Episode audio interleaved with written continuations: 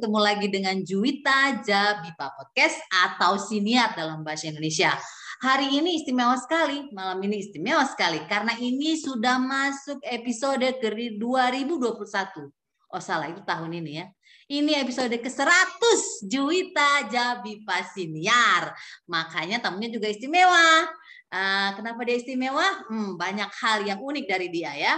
Uh, siapa dia bintang tamunya? Tanpa menunggu lama-lama, kita persilakan saja beliau untuk memperkenalkan diri. Silakan. Baik, uh, selamat malam. Uh, nama saya Johannes Saragi. Uh, umur saya 41 tahun dan saat ini saya berada di Kota Kupang, Nusa Tenggara Timur. Uh, saya bertugas ataupun bekerja di salah satu grup hotel internasional, Swiss Bell International Indonesia. Dan saat ini saya bertanggung jawab untuk uh, pembukaan hotel ataupun pre-opening hotel Swiss Bell Court Kupang. Dan ini menjadi Swiss Bell Court pertama di Indonesia. Oke, ini Bapak uh, bekerja di hotel tapi kok kayaknya lemes sekali belum makan kayaknya nih Pak atau gimana nih? Di sana uh, bahan makan. bukan, bukan. Ya. Tidak represent I'm, seorang hotelier gitu loh. Uh, bukan tidak represent karena kan masih introduction. Kalau awal udah bersemangat nanti akhirnya nggak bersemangat toh. Jadi awalnya pelan dulu, lama-lama naik. Hotel itu kan begitu. Kalau langsung uh, semangat tiba-tiba di pertengahan jalannya letoy ataupun lemas ya you are not hospitality. You have to be slow, consistent, and up. Oh gitu, gitu. Baik, menarik sekali. Apa kabar Pak Johannes? Sehat? Puji Tuhan, sehat. Sehat, sehat ya. Sehat. Sudah divaksin? Uh, sudah, sudah. Dua-duanya sudah vaksin. Sudah vaksin pertama dan kedua, sudah. Oke, jadi sudah cukup confident ya. Oke, uh, boleh tahu nih Pak, sebelum kita ngobrol panjang lebar, uh, tinggi rendah uh, dalam dalam dangkal, uh, itu semua uh, lawan kata ya Pak. Uh, santai ya. ini uh, boleh tahu nggak nih Pak, lagu yang seminggu ini Pak Johannes sering dengar dan juga dinyanyikan? Uh, Indonesia apa lagu Barat nih? uh, lagu Uganda ada mungkin Pak? Lagu apa aja sih? Oke. Kalau lagu Indonesia yang sering saya dengar itu dalam minggu ini banyak ya. Soalnya kan saya harus pilih-pilih lagu juga untuk di hotel. Jadi kan sekarang ini saya harus pilih-pilih lagu untuk di outlet. Jadi banyak yang lagu saya dengar hari ini. Oke, lima, lima, lima teratas yang sering Bapak dengar atau tiga teratas yang sering Bapak ah, dengar? Tiga teratas yang sering saya dengar itu lagu dari uh, Club Project yang oh, akustik. Oh, lagu lama, Pak? Iya, karena kan ini kan di di hotel ini uh, selera daripada taste daripada pemilik hotel adalah lagu-lagu klasik lagu Oh, ya. karena yang penyuka yang Blackpink mungkin belum sanggup tinggal di hotel atau gimana Pak? Yang muda-muda gitu ya. belum ada duit untuk tinggal di hotel kali ya? ada juga sih. Yang kedua lagu Andes. Andes. Yang ketiga itu ya, yang ketiga itu lagu dari Bunga Cita Lestari. BCL, oh. BCL. BCL, baik. Nasionalis sekali kayaknya ya Pak ya. Baik. Walaupun tadi ya. nama hotelnya itu uh, agak ke barat-baratan ya. Menarik. Kemudian saya mau tanya nih Pak. Ini kan sekarang posisinya di Kupang dan sekarang Bapak adalah seorang hotelier. Boleh cerita nggak Pak, gimana awalnya Bapak terjun ke dunia ini gitu? Kenapa Bapak nggak terjun ke dunia astronot atau tentara atau apalah misalnya gitu? Karena Bapak ini kelihatannya tegas nih Pak. Oke, okay. uh, eh, bukan bukan tegas ya. ya uh, apa namanya? Awalnya sih saya nggak pengen kerja di hotel ya. Pengennya saya itu waktu masih sekolah itu pengen jadi seorang pendeta ya. Oh, oke. Okay. Pendeta di mana Pak? Di pura, di gereja atau di kuil mana? Di gereja. Saya dari oh, di gereja. Saya, saya saya besar dan saya lahir dan besar di tumbuh lahir tumbuh besar itu di GKPS itu gereja saya. GKPS itu gereja Kristen Protestan Simalungun. Saya orang Simalungun. Simalungun ya. Kelahiran Pematang Siantar. Jadi saya pengen melayani. Karena apa? Waktu kecil saya suka sekolah minggu, lihat orang berkhotbah. jadi pusat perhatian dan bisa menjadi contoh. Nah, seiring berjalannya waktu, eh, ternyata terkadang itu alam yang membentuk, situasi yang membentuk, keadaan yang membentuk kita. Nah, di tengah kondisi saya mau masuk tamat sekolah SMP itu nilai saya nggak cukup nih mau masuk masuk masuk negeri ya. Misalnya kan dulu kan zaman saya sekolah itu masuk sekolah negeri itu kan sebuah kebanggaan. Masuk sekolah negeri SMA negeri itu sebuah kebanggaan, prestis. Tetapi saya tidak bisa masuk. Dianggap pintar iya, gitu ya? Dianggap pintar. Iya, tetapi saya nggak bisa masuk karena dulu nilai evaluasi murni saya nggak mencukupi. Berarti Akhirnya Bapak, saya masuk sekolah pariwisata. Berarti Bapak nggak dianggap pinter dan kenyataannya juga memang nggak pinter, gitu? Bukan, nanti kita berbicara ke ke segmen berikutnya. Oke, baik. Nah, oke, okay, uh, eh, dari habis itu saya berpikir ya udah saya masuk sekolah pariwisata dan saya menikmati sekolah di pariwisata itu karena apa? ternyata bukan hanya menjadi seorang pendeta, kita bisa melayani orang. Bukan hanya menjadi seorang pendeta, kita bisa menjadi panutan. Sebentar, bukan hanya menjadi saya, seorang pendeta. Sebentar. Saya hentikan dulu di situ. Tadi kan dari karena memang uh, untuk masuk ke sekolah sekolah menengah atas negeri itu tidak mencukupi nilainya sehingga masuk ke SMIP. Eh, kenapa kan sebenarnya kan ada uh, sekolah vokasi yang lain ya jurusan yang lain gitu yang mengarahkan untuk ke pariwisata ini siapa waktu itu pak siapa yang menginspirasi atau memang bapak sudah oh oke okay, ini kayaknya unik nih gitu ada nggak yang oh, menginspirasi oh, gitu. itu ya pasti ada dong oke okay. pasti dong Iya siapa yang pak? Kenapa ke situ? Kenapa nggak adalah... ke STM atau ke SMK gitu misalnya? Ke menjahit gitu misalnya? Atau sekolah pertanian? Karena daerah Simalungun kan kayaknya, pertanyaannya bagus. Iya, karena kayaknya harus membangkitkan lagi nih memori 25 tahun yang lalu ya, 30 oh. tahun yang lalu ya. Oke. Okay. Ya, jadi uh, saya melihat kondisi juga di keluarga juga uh, dalam kondisi yang normal, keuangan juga masih pas-pasan. Kalau saya mau masuk sekolah STM ataupun masuk sekolah menengah ekonomi gitu kan kan pikir-pikir ini mau jadi apa ya? Gitu. Kalau saya akhirnya ber, saya akhirnya minta mendengarkan saran dari orang tua ya. Dari mama saya dan dari bapak saya termasuk juga dorongan dari salah seorang uh, abang saya di Jakarta. Ya udah masuk semip aja pariwisata aja karena di pariwisata itu lagi berkembang. Ya kenapa tidak?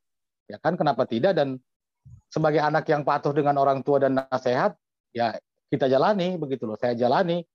Ketika itu saya jalani dan saya menikmati.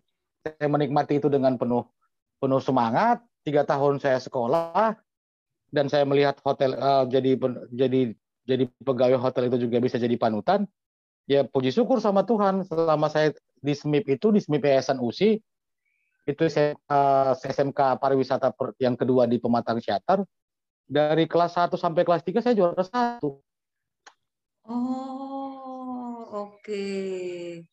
Karena memang dan hmm, Bapak Bapak, dan Bapak saya, ingin membuktikan kah kalau NEM itu tidak tidak tidak melulu jaminan orang pintar atau bisa menguasai pelajarannya atau memang Bapak sangat menikmati, wah keren nih sekolahnya atau ini pelajarannya saya suka nih gitu.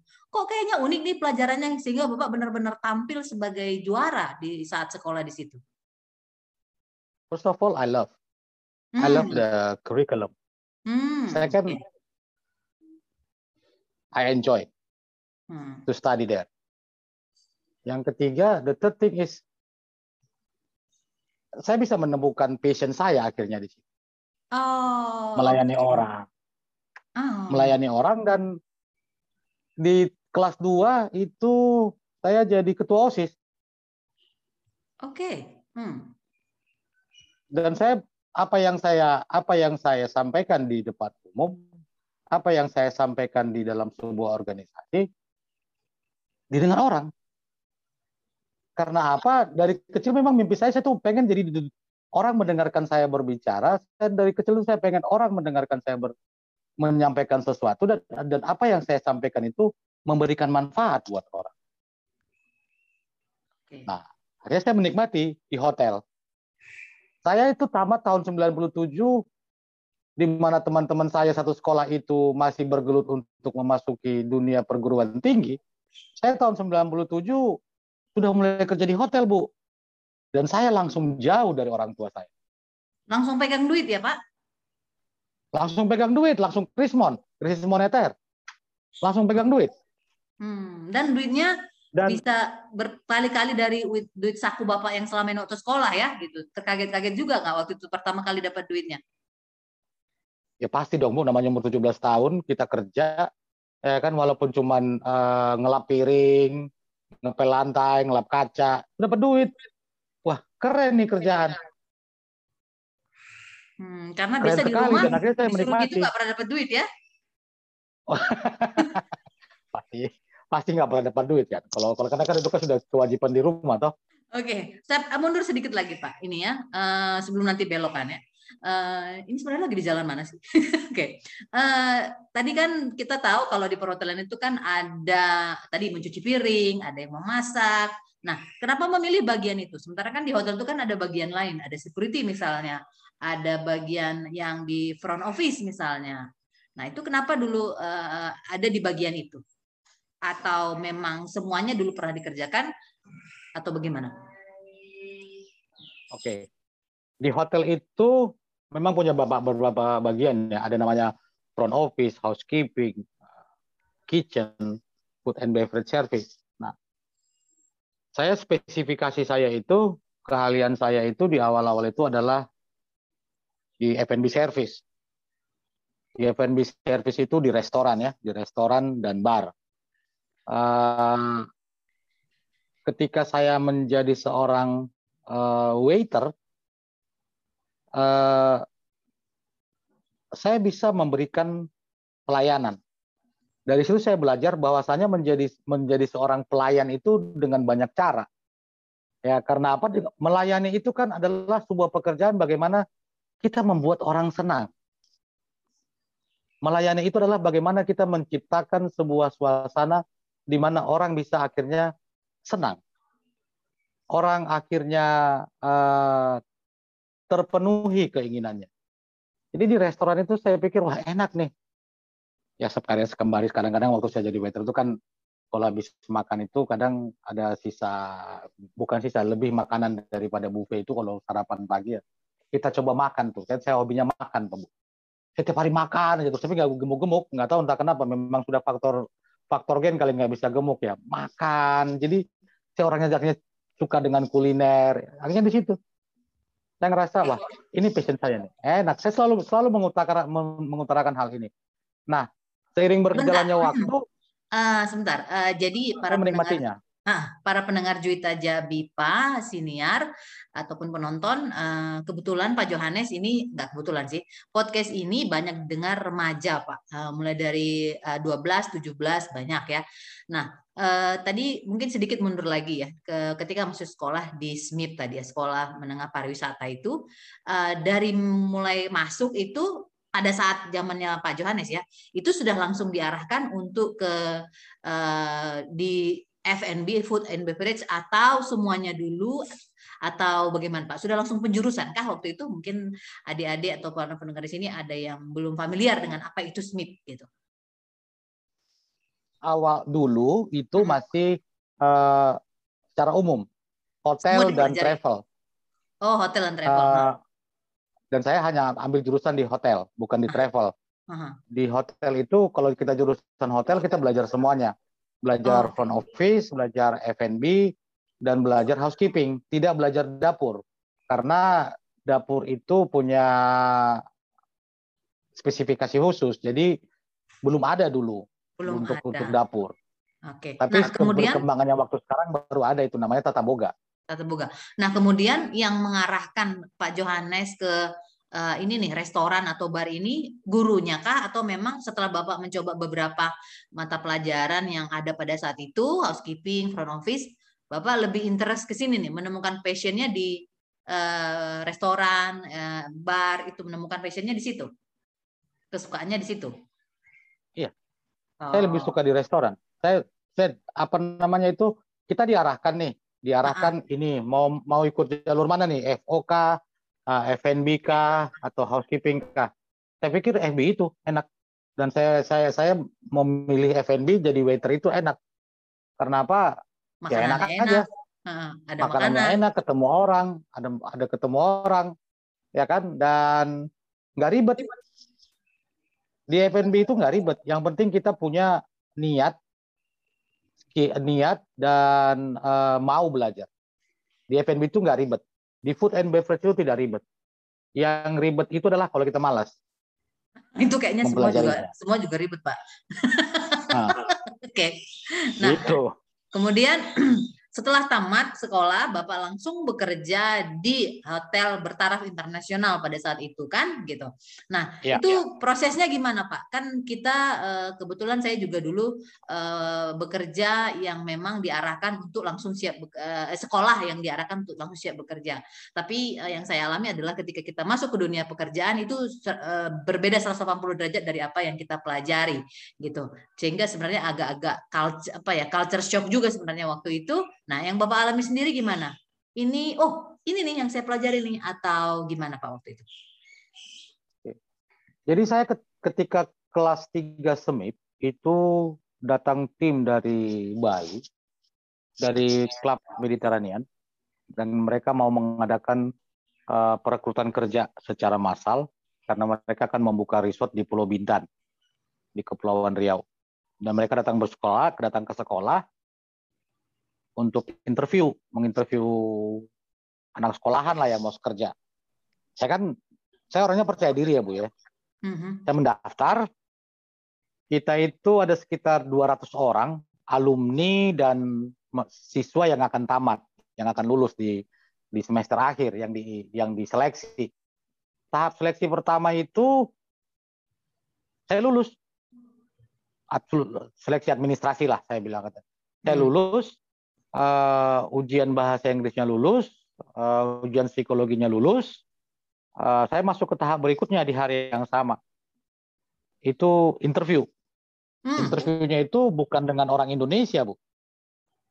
Interviewnya itu saya diinterview dengan, saya masih ingat sampai sekarang, itu namanya Bapak Nikolas Geografos, itu sudah almarhum. Bapak Nikolas Geografos ini orang Yunani. Greece. Saya orang Yunani, orang Greece. Saya diinterview. Eh, yang pasti dengan bahasa Inggris ya, Bu ya, bukan dengan bahasa Indonesia. Selama proses interview itu saya masih ingat sekitar 25 menit. Saya diinterview. Eh, dari 90 orang yang lulus tahap pertama untuk mengikuti tahap kedua, di tahap kedua hasil seleksi interview itu eh, saya lulus di nomor satu. Hmm. Ini Ada boleh tahu ini 40 orang. ini interview pertama Pak Johannes dengan orang asing kah? Iya. Oke, nggak deg-degan waktu itu Pak. Saya memang tahu Bapak percaya diri tadi seperti Bapak sebutkan, tapi nggak deg-degan atau ini siapa nih makhluk apa nih? Kenapa kulitnya berbeda gitu? Enggak. Enggak. Enggak. Oke. Hmm, oke. Menarik. Dan Mhm. setelah tiga minggu hasil interview dikeluarkan itu dapat surat dari dari Bali, saya masih ingat itu surat itu diantarkan sama guru. Yang membaca surat pertama kali itu adalah almarhum bapak saya, Hmm. almarhum bapak saya dan dia bilang di beliau almarhum mengatakan kau lulus mau kerja ke Pulau Bintan merantau. Sudah siap kau merantau? Ya, suara bapak saya kan agak-agak keras. Hmm. begitu. Oh, Udah siap merantau. Udah Pak, Eh, kau masih umur 17 tahun. Ya nggak apa-apa Pak. Dan akhirnya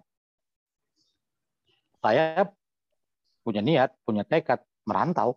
Jadi umur 17 tahun itu setelah lulus, eh, dapat penempatan, ta- dapat tanggal keberangkatan eh, dari sekolah, dari dari kita berangkat dari sekolah sama-sama itu naik naik bus Bu.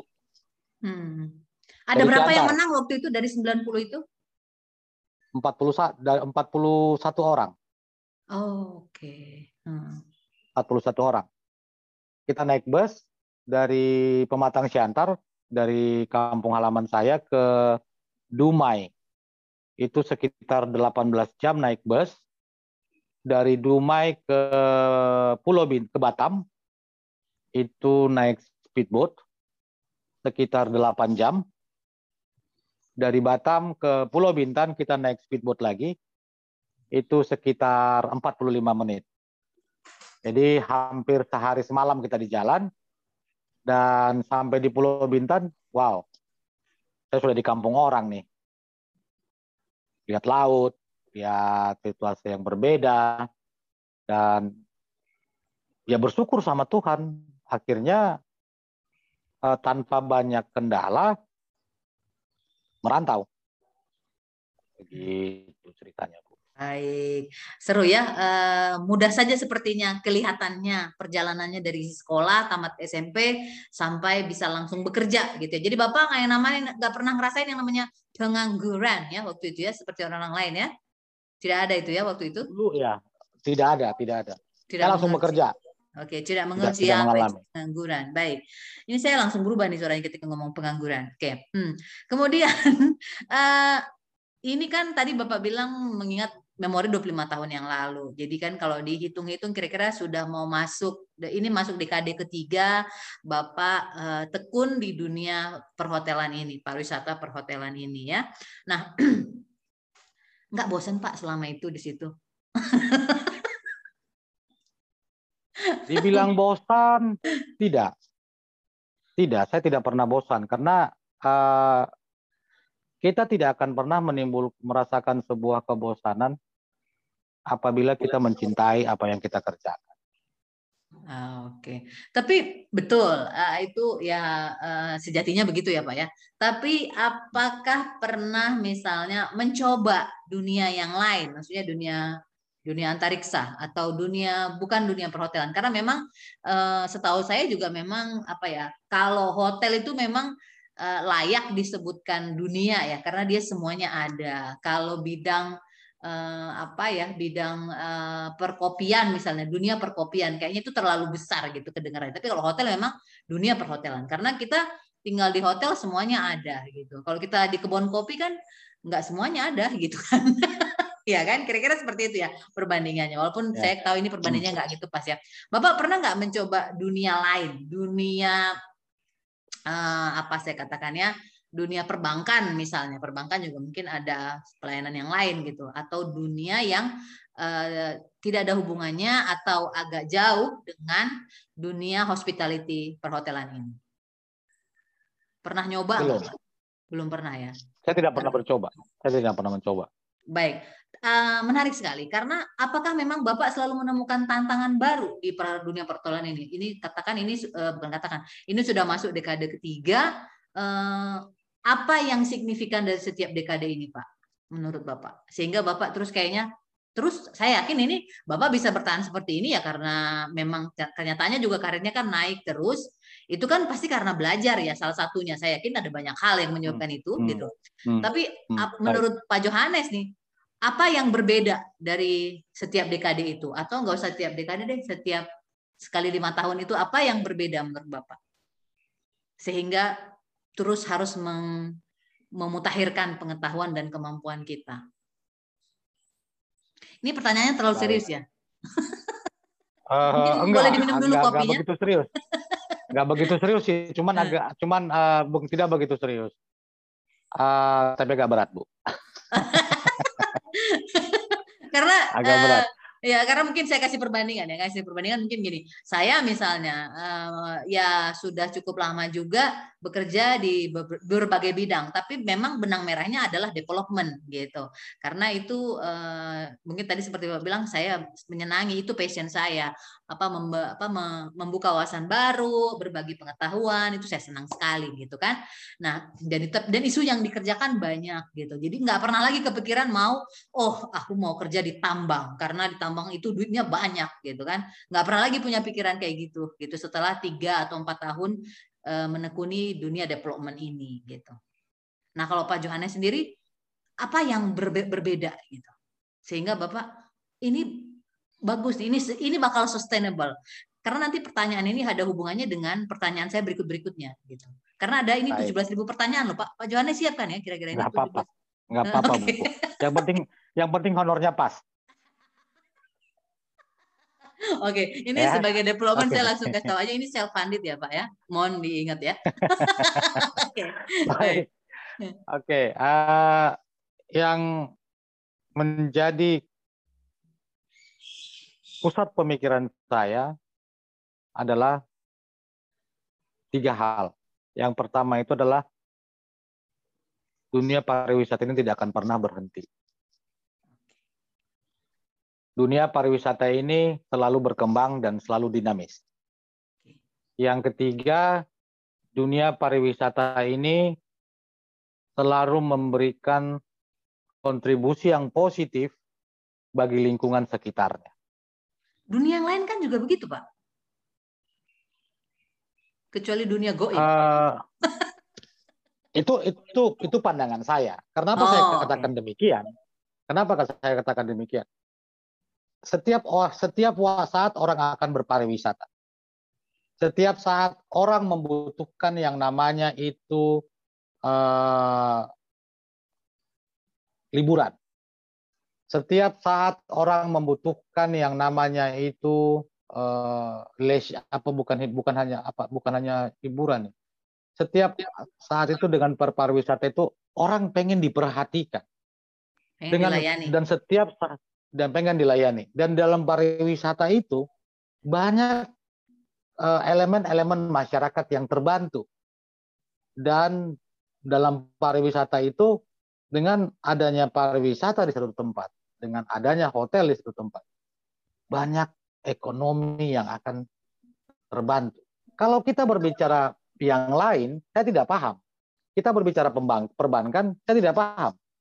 Kalau kita berbicara masalah uh, pertanian, pertanian, saya tidak paham. Tetapi kalau kita berbicara tentang hotel, di hotel ini semuanya ada, Bu. Ibu mau bicara tentang apa di dunia perhotelan? Uh, kemutakhiran teknologi, kita harus pakai. Terdepan di hotel ketika, biasanya. Hmm. Terdepan di hotel.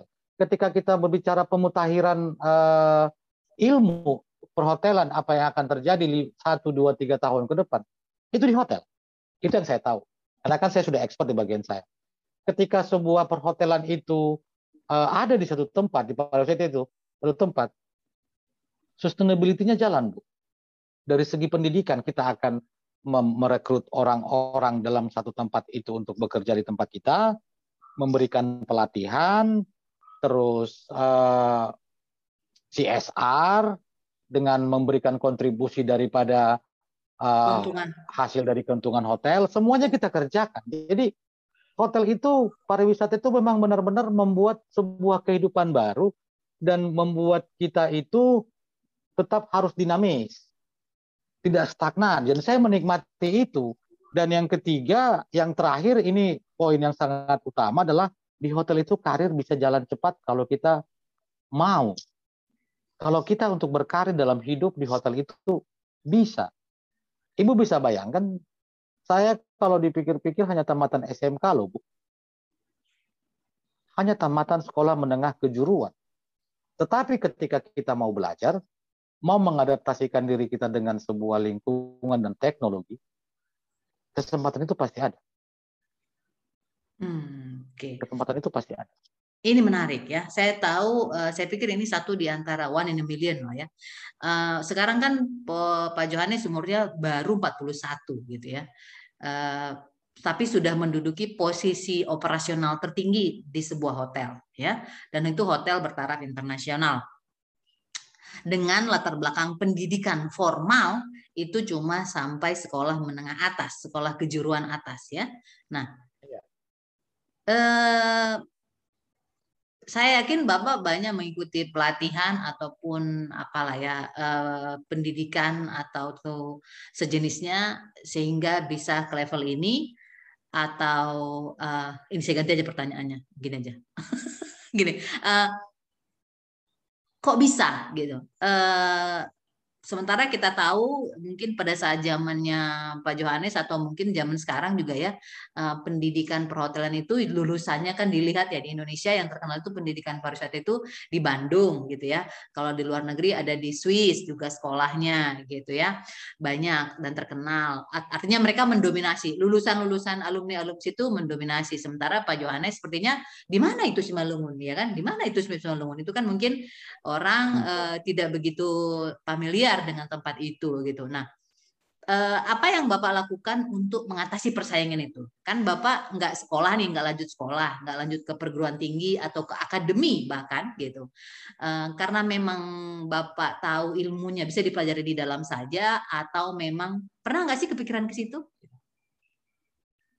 Hmm, baik. Uh, saya memiliki memiliki apa ya? Everyone has a dream. Yes. Setiap orang punya mimpi. Dan kita harus menggantungkan mimpi kita itu setinggi langit. Ya, setuju. Seperti kata ya. Bapak uh, founding father kita ya, Pak proklamator Bapak kita. Soekarno, ya. Nah, ketika saya menyadari keter keterkurangan saya dalam bidang pendidikan, saya harus mencari pendidikan yang non formal, yang di mana itu bisa mensupport skill saya. Hmm. Nah, dan itu saya lakukan. Di hotel itu kan banyak training, banyak program-program training. Di hotel itu banyak program-program development untuk staff. Dan itu saya ikutin semuanya. Tanpa harus melihat waktu. Ya namanya kalau kita mau dalam hidup ini harus ada yang dikorbankan. Hmm. Waktu dan karir itu adalah dua elemen yang sangat krusial. Uh, anda bisa menikmati waktu dan Anda bisa menikmati menjalankan karir, tapi Anda tidak bisa mendapatkannya dua-dua. Kalau kita mau berkarir, kita harus fokuskan waktu kita ke arah ini. Kalau kita mau hanya mementingkan waktu, ya udah pulang kerja 8 jam kerja ya udah pulang bisa di rumah, bisa bisa jalan-jalan, bisa nongkrong sama teman-teman. Nah, saya tidak melakukan itu Bu di awal-awal karir saya. Saya hmm. training, belajar, belajar, belajar, belajar dan ya keluarga saya juga mendukung, istri saya mendukung. Istri saya sangat mendukung. Uh, mertua almarhum mertua saya juga sangat mendukung. Ya saya mengikuti.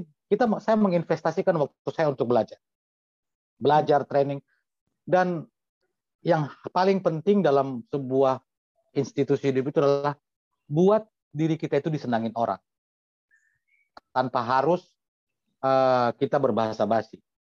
Make people happy to you based on your job result. Buat orang senang dengan Anda dengan hasil kerjamu. Dan itu saya lakukan. Hmm. Dan akhirnya uh, saya bisa menikmati itu dan saya bisa berangkat, bisa saya akhirnya bisa menikmati sebuah perjalanan di mana di mana teman-teman saya belum bisa menjalan melaksanakan itu. Kalau kata si Valentino Rossi, Yamaha selalu terdepan. That is for me. Hmm? Saya ketika saya Bapak pakai Yamaha apa pakai Suzuki, Pak? Pakai Yamaha. Jadi ketika saya berkeluarga, keluarga juga mendukung ya, keluarga sangat mendukung istri anak-anak. Jadi saya itu memulai karir saya itu naik itu ketika saya punya anak, ketika saya berkeluarga. Itu memang benar-benar semakin fokus, ya. Uh, dan ada tantangannya kan. Uh-huh. Saya harus pindah jauh dari keluarga saya itu, dari anak istri saya itu. Saya harus keluar negeri bu, sekolah menikmati non formal pendidikan non formal di salah satu universitas ataupun akademi pariwisata terbesar di Dubai. Saya sekolah di sana sembari saya kerja di Dubai. Dan saya sekolah itu tidak dibayar, tidak bayar. Saya di, di, dapat beasiswa dari perusahaan hmm. saya bekerja dan saya belajar manajemen perhotelan. Hmm. Belajar manajemen perhotelan. Uh, di situ saya banyak belajar bagaimana menjadi uh, seorang pemimpin uh, to manage, mem mengatur. Dari situ saya banyak belajar. Oh ya, begini caranya mengatur itu. Ya. Ternyata kita tidak bisa hanya mengandalkan uh, skill, tapi kita harus bisa mengandalkan juga knowledge. Karena pada saat saya sekolah itu, teman saya sekolah nggak ada orang Indonesia, Bu. Semua hmm. orang-orang yang masih muda-muda. Orang-orang bule, orang-orang uh, orang bule, terus dia itu orang orang Libanon, Libanis, Egyptian. Wah, orang ini masih muda-muda. oh saya juga harus terpacu lah, semakin terpacu lah untuk belajar. Dari situ saya belajar, oh iya, uh, ilmu juga harus di, di, di, dikembangkan, skill juga harus dikembangkan, pengetahuan juga harus dikembangkan. Dari situ saya terus setiap hari belajar, belajar hal-hal yang baru, dan sampai sekarang. Baik, menarik sekali ya Pak. Karena jadi Bapak juga sudah tidak lagi kepikiran untuk melanjutkan pendidikan formal seperti yang banyak uh, dipilih orang-orang kan gitu ya. Ini lebih pendidikannya lebih implementatif gitu ya, lebih aplikatif lah. Karena ini langsung di dunianya gitu ya. Seperti itu ya kira-kira ya. Artinya uh, itu tidak pernah lagi menjadi burden atau apa ya perasaan tadi kayak gimana ya? Uh, saya beda nih gitu saya sekolahnya cuma sampai sekolah menengah nih gitu. Karena sebenarnya di kenyataan di profesi yang bapak ikutin itu sudah uh, uh, menyediakan juga pendidikan-pendidikan yang men sangat mendukung pekerjaan gitu ya. Jadi uh, menarik ya.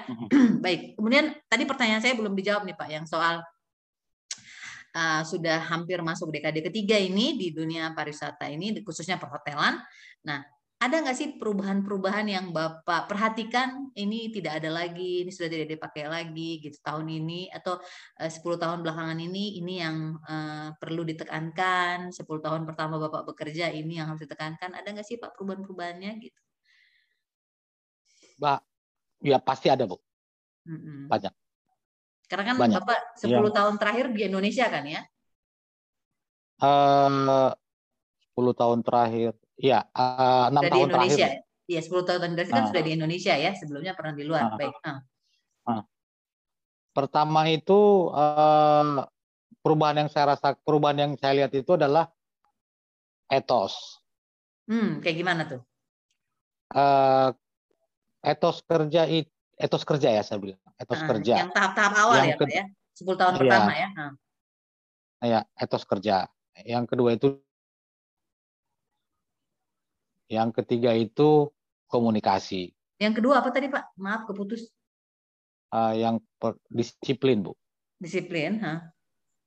Yang ketiga itu berkomunikasi. Hmm, gimana tuh Pak?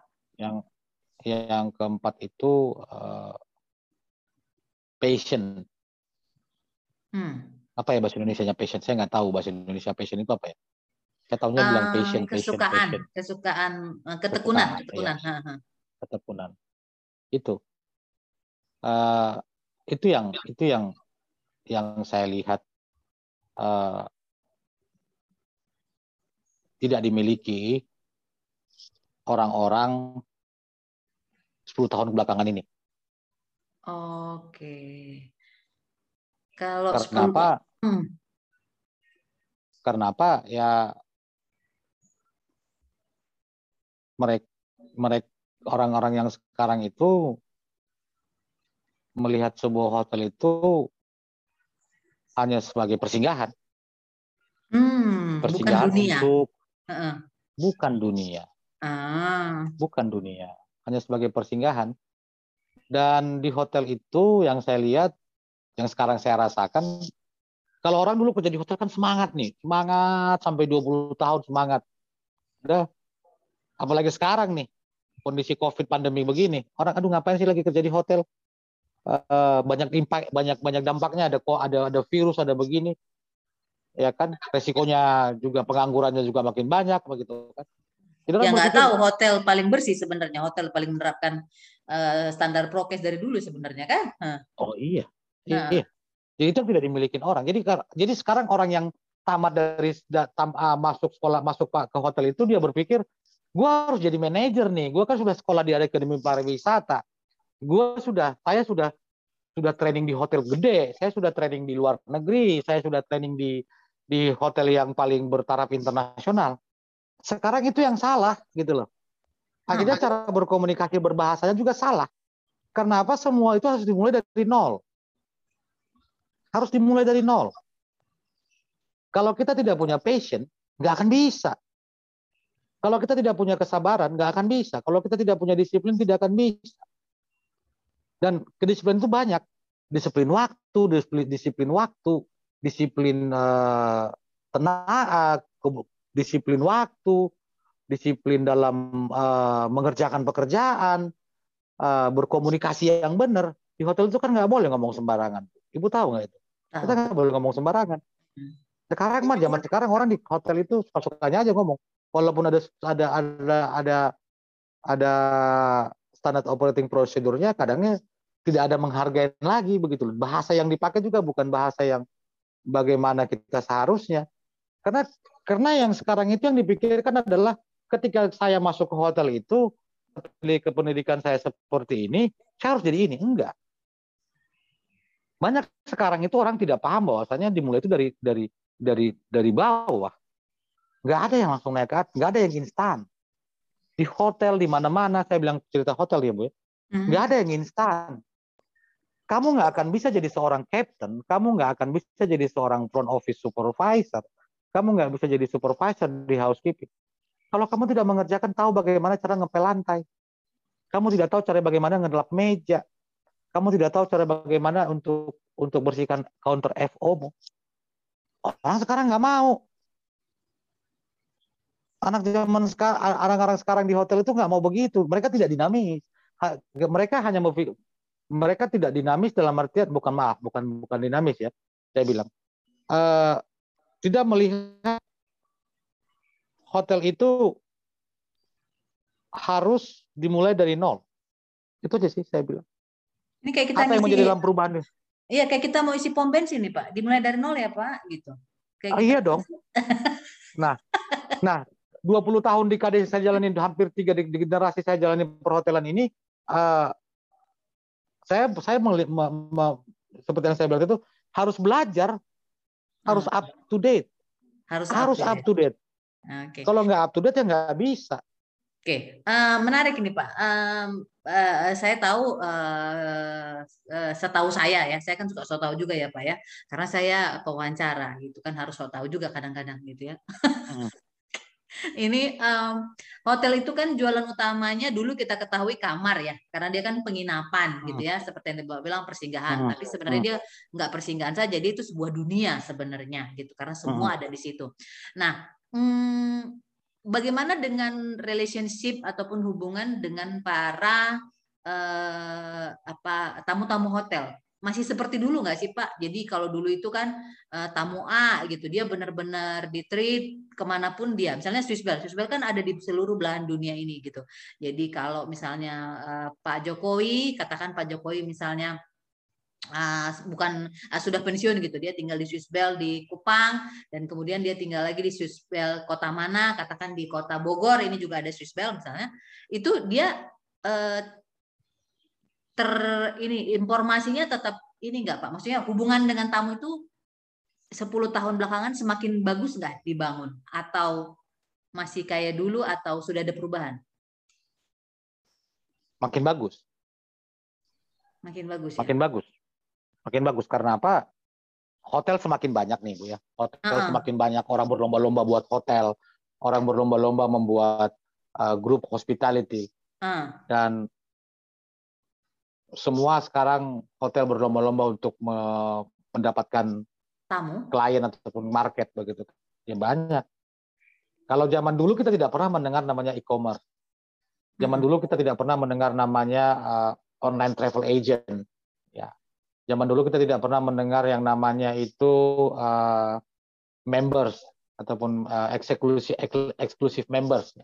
Sekarang itu makin ditingkatkan dan itu akan itu terlalu tertracking dan itu harus harus tertracking. Kalau hmm. kita tidak men-tracking itu, ya kita akan kehilangan kita akan kehilangan uh, customer. Itu tertracking bu, dan itu kita harus buat. Dan okay. dulu hmm. kita dulu itu Contoh ya Bu ya, dulu kan kalau kita mau nginap di hotel kan datang baru check in, itu kan kalau lewat dari travel agent, uh, travel agent yang kita bilang sekarang itu namanya business to business B2B. Saya datang ke salah satu travel agent mau nginap di Jakarta, saya masuk datang ke sana baru mereka akan bookingin semuanya. Travelnya nanti yang akan membookingin. B2B namanya business to business.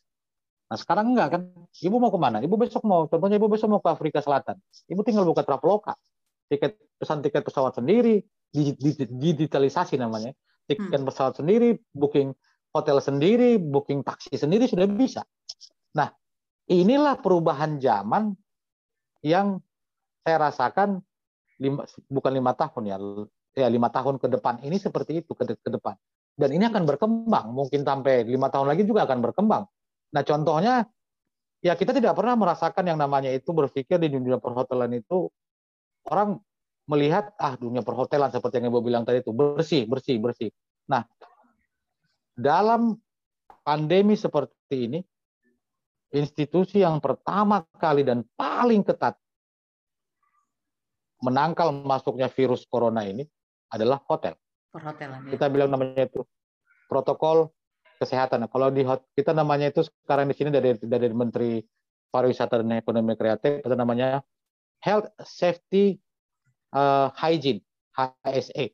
Jadi health health safety hygiene. Jadi semua orang yang di hotel itu harus ikutin tatanan ini. Kalau kamu mau tidak mengikuti tatanan ini, kamu tidak bisa di hotel, kamu tereliminasi. Hotel kamu akan tereliminasi. Ya, jadi kayak di sini nih saya sekarang, saya tidak akan pernah mau menerima orang kerja kalau dia tidak divaksin, Bu. Hmm. Ada nggak, Pak? Oh, nggak boleh. Harus divaksin. Hmm. Itu peraturan pemerintahnya toh satu. Yang kedua, kita di sini harus setiap hari uh, body check, body temperatur, disiplin. Tamu juga harus begitu, karyawan juga begitu. Yang ketiga, semua juga uh, peralatan yang kita pakai di sini itu tidak menggunakan harus ada bah, harus ada uh, bahan khusus yang benar-benar memang bisa menangkal virus. UV light, terus uh, chemical untuk pembersihan kamar, chemical untuk pembersihan alat-alat di restoran. Semuanya harus. Nah, itu kan perlu belajar, Bu. Dipelajarin. Kalau orang yang nggak mau belajar kan bakalan ketinggalan ya toh. Oke. Baik. Nggak, nggak, nggak seperti kita makan di rumah nasi padang di rumah di rumah makan begitu kan di warung-warung. Terkadang juga banyak restoran yang bilang saya sudah mengikuti protokol kesehatan, ya, tapi ketika kita masuk ke dapurnya anak-anaknya nggak pakai masker. Iya. Iya kan? Dan memang uh, kita cukup nah. tahu uh, cukup populer dengan ya hotel itu apalagi dia sudah uh, change ya, sudah hotel cabang. Hmm itu biasanya standar operasional prosedurnya jelas dan dipahami ya kan artinya uh, itu tidak tidak tidak informasi yang tertutup. Artinya itu bukan cuma informasi yang dikuasai oleh uh, apa uh, uh, human resource tapi juga semuanya harus mengetahui. Baik kemudian hmm, menarik ya sebenarnya dunia perhotelan ini. Um, ini Pak, saya mau tanya soal yang kita ngomongin soal pandemi ini sekarang ya. Uh, setahu saya ya, yang kita tahu orang juga orang lain juga banyak tahu, semua kan memang kena dampak dari pandemi ini. Dan salah satu yang bukan salah satu ya, mungkin yang terparah yang kena dampak dari pandemi adalah perhotelan ya dan travel gitu. Nah, Uh, ini Bapak sudah masuk tahun kedua uh, kita di pandemi ini dan setahu saya juga Bapak sudah berapa kali pindah kerja Pak selama pandemi ini? ah, kalau saya selama pindah pandemi berapa kali ya? Uh, dari ini hotel saya yang ketiga. Oke, dalam waktu hampir dua tahun ini sudah tiga kali uh, apa uh, pindah kerja karena pandemi ini, sementara orang banyak dipecat gitu ya. Ini ajaib sebenarnya Pak Johannes ini ya kok bisa gitu ya. Orang-orang mah dipecat, bapak malah pindah kerja dan uh, ini naik sekarang gitu, malah naik gitu ya. Kita terlepas dari kita ngomongin soal penghasilan ya Pak ya. Nah, kok bisa gitu loh Pak? Apa Bapak udah divaksin duluan atau memang Bapak tahu informasi soal virus ini atau bagaimana? Kenapa? Karena ini unik. Saya juga dari kemarin tuh saya pikir ini bintang tamunya apa ya kira-kira ya? Oh iya ya orang semua pandemi kan pengangguran gitu kan karena nggak ada tamu nggak ada apa no. Pak Johannes mengalami hal yang berbeda gitu. Kita nggak usah ngomongin soal duitnya dulu ya gitu. Ini Pak Johannes malah pindah ke hotel yang lebih baik dan posisi yang lebih bagus pula gitu. Orang-orang mah terpuruk gitu. Karena kan ini eh, kalau bisnis masak misalnya orang ya jadi ya karena dia masak kue atau misalnya dia uh, tadinya dia kerja di restoran karena pandemi dia dipecat ya udah dia jualan sekarang gitu biar hasil selamat juga saya pikir tuh masih ya memang kayak gitu kira-kira tracknya gitu nah kalau ini kan unik ya gitu harusnya kan dia di, dipecat juga terus dia mungkin dia buka kos-kosan kan gitu mungkin itu sejalannya kan gitu ya hmm. atau Pak Johannes mungkin karena di F&B mungkin Bapak buka warung gitu kan atau GoFood gitu kan atau apalah hmm. di marketplace nah ini Bapak malah jadi pimpinan tertinggi di operasional satu hotel nih gitu. Itu gimana ceritanya itu, Pak? Bapak tahukah soal isu ini, soal isu COVID ini atau gimana gitu? Apa Bapak sebenarnya merangkap agen ini sebenarnya? Enggak ya. Saya juga saya juga kena dampak COVID ya, Bu. Uh, saya uh, kena dampak COVID itu di Jakarta ya. Uh, di Jakarta di salah satu hotel bintang 5 terbesar di Indonesia. Dan saya melamar kerja ke mana begitu ya. Melamar kerja di Banten, di Anyer, lamar kerja di Anyer itu di Banten, Jawa di provinsi Banten. Uh, semua hal bisa kita lakukan. Semua hal bisa menjadi penghambat dalam hidup kita. Semua hal bisa menjadi uh, tolak ukur dalam hidup kita. Tapi ada kadang orang lupa, Bu. Orang kadang lupa. Ya. Faktor luck Uh-huh. You have to be lucky person in your life. Your luck will come to you. Keberuntungan akan datang ke dalam hidupmu ketika kamu tahu apa yang kamu inginkan. Hmm. Soalnya saya surang, sudah saya sudah cukup lama nggak percaya dengan luck ya Pak. Saya percaya dengan bless. Karena luck itu mungkin nanti kalau saya mau main judi mungkin jadi saya lucky gitu ya. Karena saya lucky itu saya identik dengan undian, lucky draw ya. ya. Kalau saya bilang itu dalam bahasanya faktor luck ya, faktor apa namanya? Keberuntungan itu ataupun ya, oke okay, dengan bahasa blessing ya. Iya. Uh, berkat ya. Berkat itu datang ketika kita tahu apa yang mau kita buat. Oke. Okay. Nah, Dan kita konsisten dengan apa yang kita lakukan itu. Oke. Okay. Nah, Bapak udah tahu waktu itu kalau ini ada berubah. Akan tahu ini pandemi virus. ini. Uh. Tahu. Tapi sepanjang kita tidak mau sepanjang kita tidak pernah berhenti, sepanjang kita tidak pernah mau menyerah, sepanjang kita tahu apa yang mau kita buat dalam hidup ini, pasti keberuntungan itu datang. Oke, kalau kita berbicara banyak orang banyak teman rekan-rekan saya di perhotelan itu yang kena pandemi ya.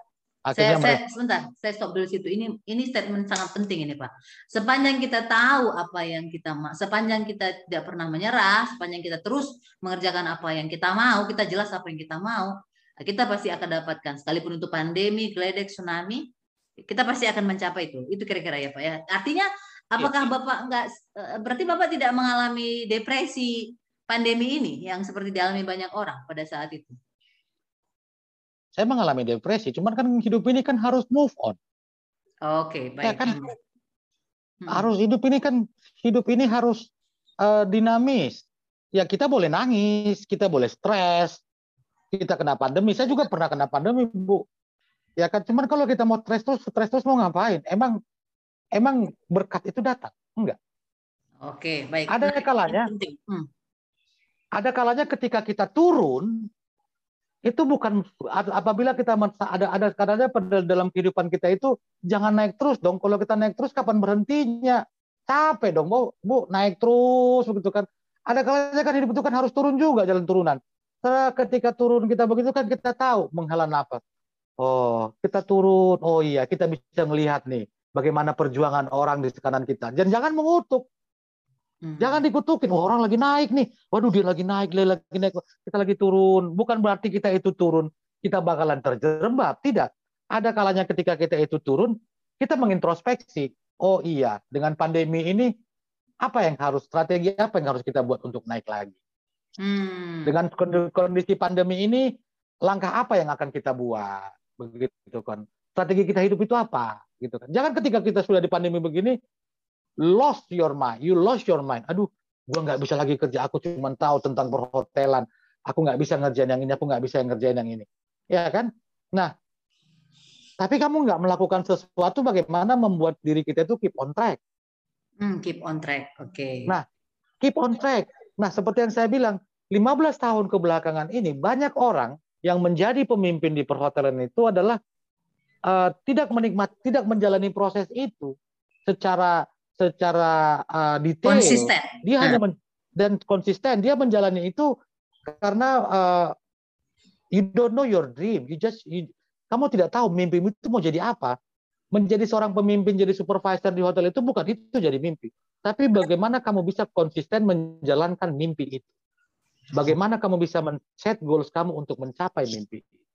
Hmm. Saya saya di di salah satu hotel di Jakarta itu enak bu, gaji gede, gaji gede, fasilitas dapat.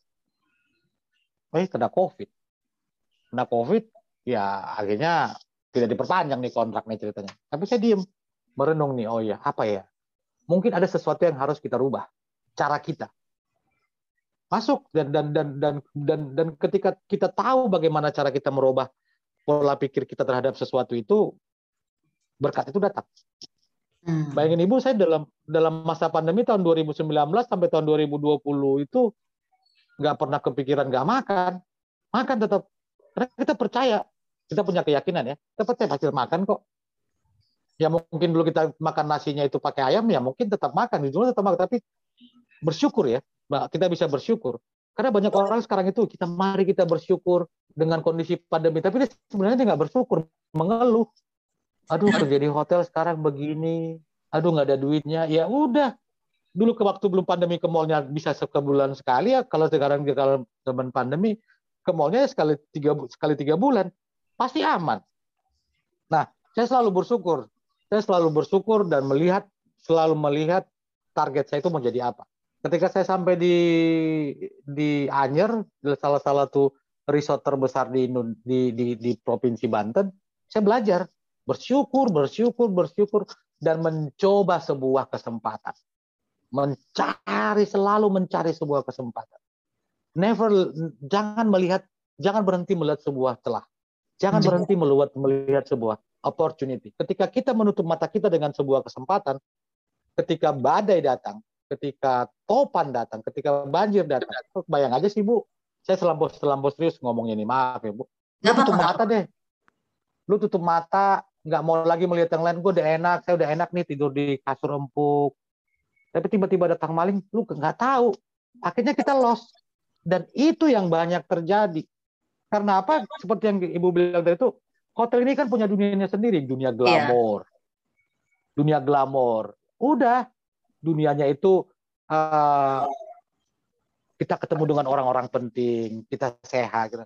Nah itu akhirnya ketika ketika badai datang kita nggak tahu gugup nih, aduh nggak mau ngapain lagi ya, ngapain lagi ya. Itu yang pertama. Yang kedua, ketika kita di hotel itu, di mana pun kita itu, ya, jadilah berkat buat orang. Ketika kita bisa menjadi berkat buat orang dalam sebuah institusi, pasti berkat itu akan mengalir dengan ke kitanya dengan sendirinya tanpa kita minta. Hmm, Oke, okay. menarik.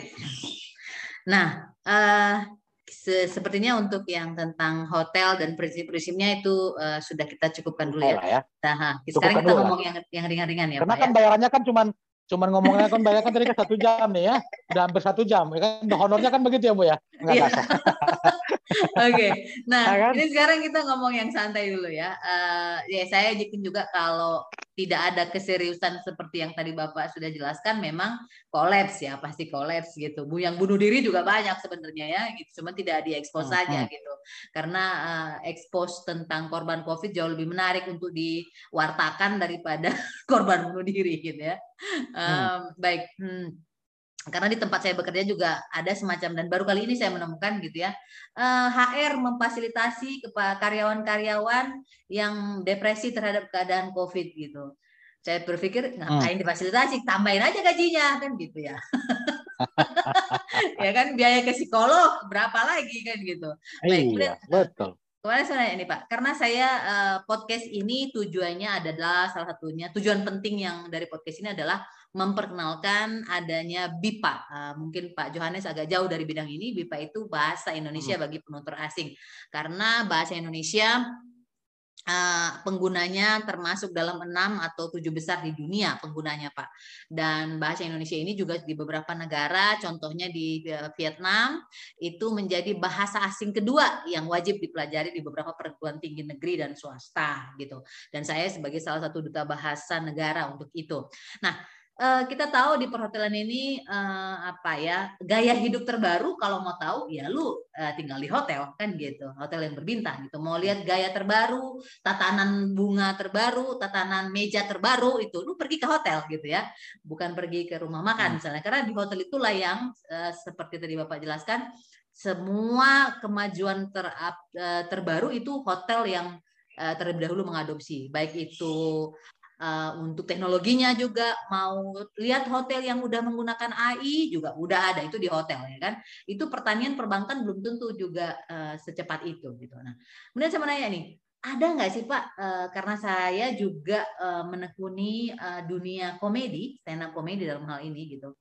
Ada nggak sih pengalaman-pengalaman Bapak yang udah masuk di tiga dekade ini selama bekerja di hotel yang tragedi ya atau mungkin memprihatinkan atau memalukan lah ya gitu.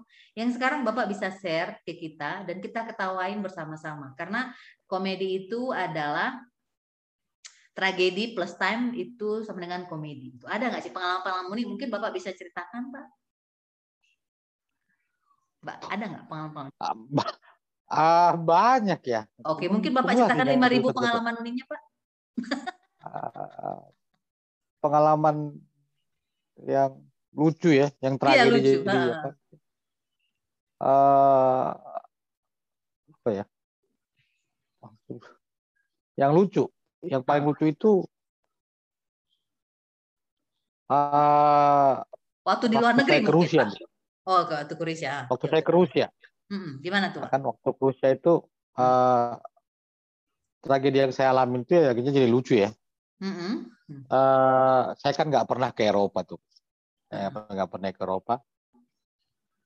Saya dijemput. Itu pertama kali saya naik mobil mobil berkelas ya. Mobil Rusia saya, sampai di, mobil Rusia? Uh, mobil mobil buatan Jerman sih sebenarnya. Oke. Okay. Kan di, di Rusia itu dingin, di Saint Petersburg itu dingin. Di hmm. Saint Petersburg itu dingin, jadi kita saya dijemput, uh, saya dijemput saya nggak tahu kalau kursi mobil itu hangat, Bu. Oh. Kayak kursi, kursi angkot mobil gitu. Itu Kayak kursi angkot di Jakarta, Pak. Bukan, beda dong. Kalau kursi angkot di Jakarta kan memang dia itu kan nggak nggak karena dia ini dia dalam ruangan, mas saya masuk ke dalam itu kursinya hangat. Jadi ketika saya duduk itu di jok belakang, ya duduk di belakang itu ketika saya duduk saya, saya teriak karena saya rasa tiba-tiba panas ya. Gimana kita duduk kita dari dari dari tempat yang dingin dari itu kan hal begitu deh. Dari airport kan kan sampai sampai supirnya itu bilang uh, eh, Mr. Johannes, are you okay? Ah, ah, ah, ah, I'm I'm fine, I'm fine, I'm fine. Saya bilang kan saya duduk pelan kayak orang kayak di kampung gitu. Ini kok kursi kok panas ya? Kursi kok panas gitu. Bukan kursi panas ya, Bu ya, kok hangat kok kan. Jadi saya malu sendiri, malu sendiri karena apa? uh, lucu aja masuk ke masuk ke dalam mobil pengalaman memalukan kursinya sangat memalukan itu momen sangat memalukan bu dan dan ketika saya sampai di hotel tempat saya tempat saya mau bekerja itu saya senyum supirnya senyum senyum pasti dia berpikir ini orang Indonesia memang orang Indonesia yang satu yang saya bawa ini memang kayaknya memang orang kampung nih ya kalau gitu kan dia diem aja Jadi Bapak ketawa setelah Orang kejadian kamu. itu ya Pak ya? okay. uh, bukan ketawa Bu, malu Bu. Sampai di kamar baru saya mikir-mikir, oh iya ya, saya nggak pernah ke Eropa sebelumnya. Saya nggak tahu, saya nggak tahu apa namanya, nggak tahu salju, nggak tahu apa. Jadi saya senyum-senyum, senyum-senyum, senyum-senyum begitu. Besoknya pagi-pagi ketika saya mau sarapan, saya mau lihat keluar ke lobi itu, saya lihat lagi beliau. Uh, dia senyumnya ya senyum seperti mentertawakan saja. Ini orang yang kemarin nih kayak orang bego nih di kursi nih saya saya diam aja sendiri. Saya bilang good morning. Saya bilang begitu. Ya udah. Habis itu saya nggak mau lagi lihat beliau. Saya malu sendiri bu Oke, okay. menarik ya. Kemudian, uh, oke, okay. uh, eh, kita balik sedikit lagi. Nah, kalau soal bahasa, Nah, kita tahu di hotel itu kan ada istilah F&B, ada istilah uh, coffee break, ada istilah lunch, dinner. Nggak ada kan istilah makan siang, nggak ada kan gitu. Nah, kira-kira menurut Bapak, ada nggak sih kemungkinan kita akan menggunakan istilah-istilah dalam bahasa Indonesia untuk dunia perhotelan? Oh, ada, Bu. Oh, ada? Ada. Terminologinya kan, terminologi perhotelan itu biasanya pakai bahasa Inggris ya rata-rata ya? Uh, kalau untuk segmen pemerintahan ataupun government, local government and in, in Indonesian local government kita bilang pemerintah pemerintah daerah ataupun pemerintah pusat itu harus pakai bahasa Indonesia bu, hmm. tidak menggunakan bahasa Inggris. Memang benar-benar harus pakai bahasa Indonesia. Jadi Tapi contoh ini kita contoh. contoh itu uh, ada event nih, ada meeting, ada meeting dari pemerintah kota dari dinas ini, gitu ya, dinas dinas A begitu ya. Pakai bahasa Indonesia bu. Makan sarapan pagi jam berapa, makan uh, rapat di ruang mana, uh, jeda jeda jeda uh, istirahat istirahat jam berapa? Makan siang? sholat, makan siang ha iya itu oh, pakai sudah bahasa ya? Indonesia bu. Sudah. Oh. sudah pakai bahasa Indonesia bu. Oh. sudah pakai kalau dia pemerintahan itu kita sudah pakai kalau dia pemerintahan sudah menggunakan bahasa Indonesia. Kalau dia korporasi-korporasi yang Indonesia dia sudah menggunakan bahasa Indonesia dan bahasa Inggris. Hmm, Oke, okay. tapi untuk uh, istilah-istilah bapak dalam uh, istilah pekerjaan lah yang ada di di hotel masih bahasa Inggris kan. Jadi kayak misalnya uh, clear up, closing atau iya, set up itu, itu kan masih bahasa masih Indonesia bahasa, bahasa Inggris, Inggris kan. Uh, jadi nggak ada istilah. Hmm, hmm, hmm. Nah, uh, ini kan bapak sekarang ada di Nusa Tenggara Timur ya. Hmm. Nah, itu gimana Pak? Eh, apa namanya bahasa kita kan bahasa Indonesia di sana kan terdiri dari beberapa bahasa juga gitu. Bagaimana kecenderungan eh, rekan-rekan bapak di sana dalam menggunakan bahasa daerah? Menggunakan di, bahasa daerah di lingkungan bahasa pekerjaan. ibu lah kita bilang. Uh-uh. Menggunakan bahasa ibu lah. Uh-uh. Kalau menggunakan bahasa ibu itu di sini sama kayak daerah-daerah lain yang saya jalani di Indonesia uh, masih kental ya. Masih kental. Masih ya? sangat masih sangat kental. Dan it dan dan itu menjadi, cenderung menjadi sebuah kendala. Oh, oke. Okay. Dalam kita ber, ber, ber, berkomunikasi. Berinteraksi. Karena apa? Ber, berinteraksi dan berkomunikasi. Karena apa? Uh, kita tahu Indonesia ini banyak bahasa ya. Ya, sekitar 700 bahasa yang terdaftar. Yang terdaftar loh Pak, yang belum hmm. terdaftar masih banyak hmm. lagi. Nah, nah ketika kita sampai di sini kan kalau saya dengan dengan kalau saya kalau saya datang itu harus menggunakan bahasa Indonesia. Beta tidak bisa bilang beta harus pakai bahasa Kupang. Beta sonde bisa bahasa Kupang. Itu kan kitong kitong kitong sob, sob, sob saudara kita nggak bisa ngomong. Nah, hal inilah hal positif, hal-hal yang positif seperti ini bagaimana kita berubah mindset, cara berbicara, cara berkomunikasi, cara berinteraksi agar institusi perhotelan itu menggunakan bahasa yang baku, bahasa Indonesia dan bahasa Inggris. Itu sangat sangat challenging. Sangat challenging hmm. sekali dan memang harus kita lakukan. Kalau tidak kita bisa lakukan ya uh, sebuah interaksi komunikasi itu tidak akan jalan, Bu. Hmm. Dan itu kayaknya nggak diajarkan. itu. Dan itu kayaknya tidak diajarkan di sekolah-sekolah perhotelan ya Pak ya. Bagaimana cara mengatasi itu ya Pak? Ya, Oke. Okay. Tidak. nggak diajarin ya. Baik. Kemudian uh, ini nih Pak, uh, ini uh, pertanyaan terakhir soal perhotelan ini ya, gitu. Karena yang tadi saya sebutkan pendengar dari podcast ini adalah banyak dari kalangan remaja. Ah, uh, menurut Pak Johannes nih kan orang tadi kan udah pada banyak takutan nih kayak tadi yang ngapain lagi kerja di hotel? Sekarang kerja perawat aja kerja uh, kesehatan aja karena nggak ada yang pengangguran gitu. Semua kepake yang nggak kena dampaknya mereka karena mereka dapat duit sekarang ya kan. Duitnya lebih banyak dari sebelumnya. Walaupun memang beban kerjanya lebih banyak juga gitu kan. Nah perhotelan hotel tutup gak usah sekolah di hotel lagi gitu. Menurut menurut analisa Pak Johannes nih ini kan udah masuk tahun kedua ya gitu. Atau sempat nggak ngecek gitu? Ada nggak? Kemarin saya tahu Pak Johannes jadi pembicara gitu ya.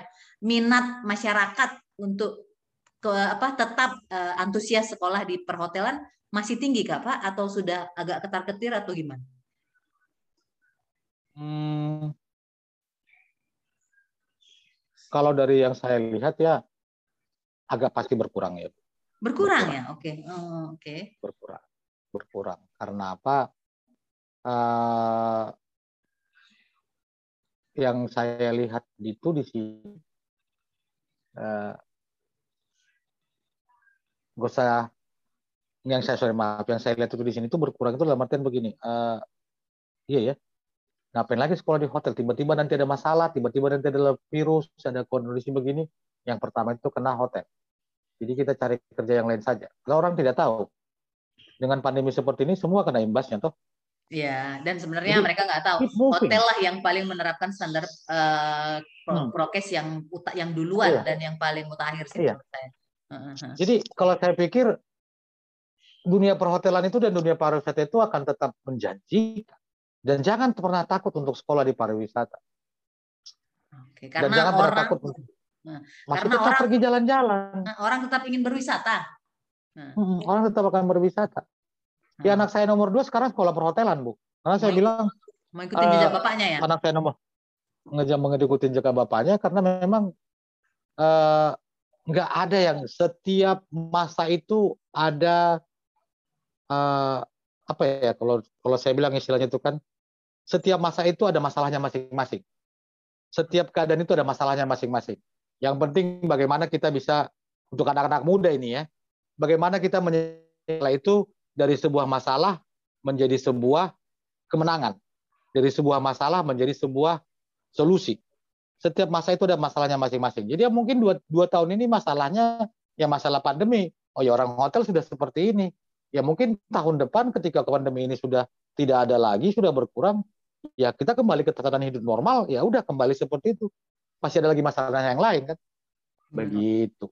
Oke, nah jadi jangan takut untuk sekolah perhotelan ya, gitu. Karena tadi bapak juga jangan takut. Uh, apa uh, menyampaikan uh, sekolah perhotelan, sekolah SMIP itu waktu itu langsung kerja semester 3 sudah diinterview katanya, eh, semester terakhir ya ah. sudah diinterview untuk kerja. Jadi tidak ada hmm. itu kata pengangguran ya, tidak ada itu pengangguran hmm. dan itu masih menurut bapak itu masih berlaku ya pak ya, sekalipun ini ya, ya pandemi kan sudah mau selesai masih berlaku ya? Masih karena Eh, sedikit mau saya tambahkan kemarin itu saya menjadi salah seorang pembicara di dinas pendidikan hmm. provinsi Kupang dan acara itu dilakukan di SMK Negeri 3 Kupang oh, bagian perhotelan namanya itu Dudika dunia usaha dunia industri dan dunia kerja hmm. jadi uh, walaupun dengan kondisi COVID seperti ini kesempatan itu masih ada. Di, di setiap di setiap uh, kondisi pasti ada sebuah kesempatan. Makanya hmm. saya bilang dari tadi seperti yang saya bilang tadi itu anak-anak muda sekarang yang masih masih sekolah di hotel, yang masih uh, bermimpi untuk bekerja di hotel, jangan takut. Sepanjang hmm. kita melihat sebuah kesempatan, jangan tutup mata. Manfaatkan kesempatan yang ada. Manfaatkan situasi yang ada dengan menggunakan bahasa yang benar, dengan menggunakan bahasa yang sopan, mm-hmm. dengan menggunakan tata bahasa yang benar-benar bisa orang yakin dengan kita, pasti bisa. Oke. Okay bisa ya. Jadi tetap optimis ya, karena keadaan juga yeah. sebenarnya uh, membaik sebenarnya gitu. Jadi tetap kayak tadi itu menarik sekali. Kita jalan kadang-kadang memang ada turunan supaya kita bisa menarik nafas lagi. Oke, baik uh, Pak Johannes sebenarnya saya masih pengen nanya banyak lagi nih soal perhotelan terlebih kepada karena saya juga bergerak di dunia pendidikan, uh, pendidikan bahasa Indonesia dalam hal ini. Uh, tapi nanti mungkin di lain kesempatan kita sambung dan sebelum menutup podcast ini ada beberapa pertanyaan singkat yang ingin saya tanyakan ke Pak Yohanes. Yohanes, jadi bisa dijawab dengan cepat ya. Siap ya? Oke.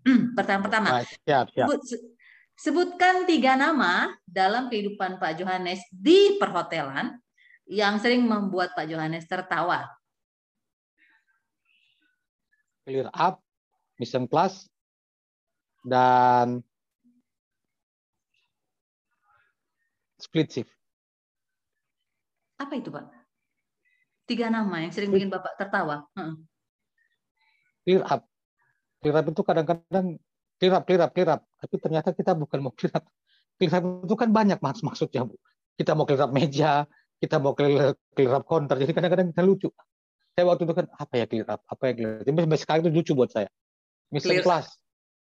Clear up. Mr. Uh. Class itu kan bahasanya bukan bahasa Inggris. Miss N plus, Miss plus, bahasa Prancis. Saya bingung.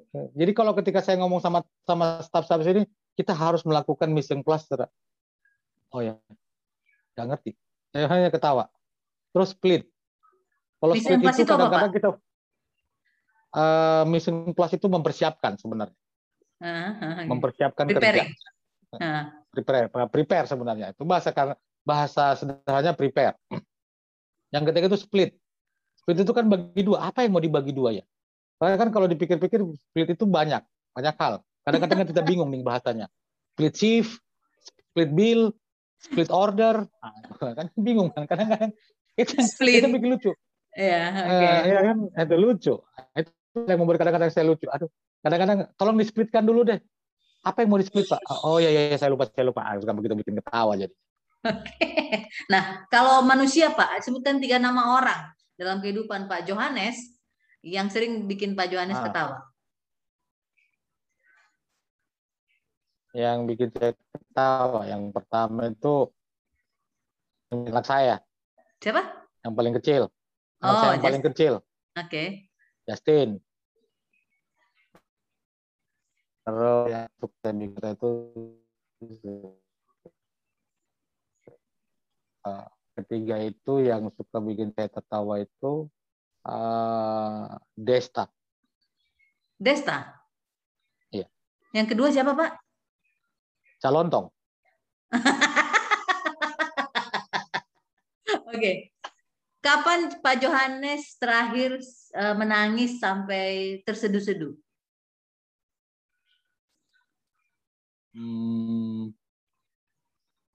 Enam tahun yang lalu ya.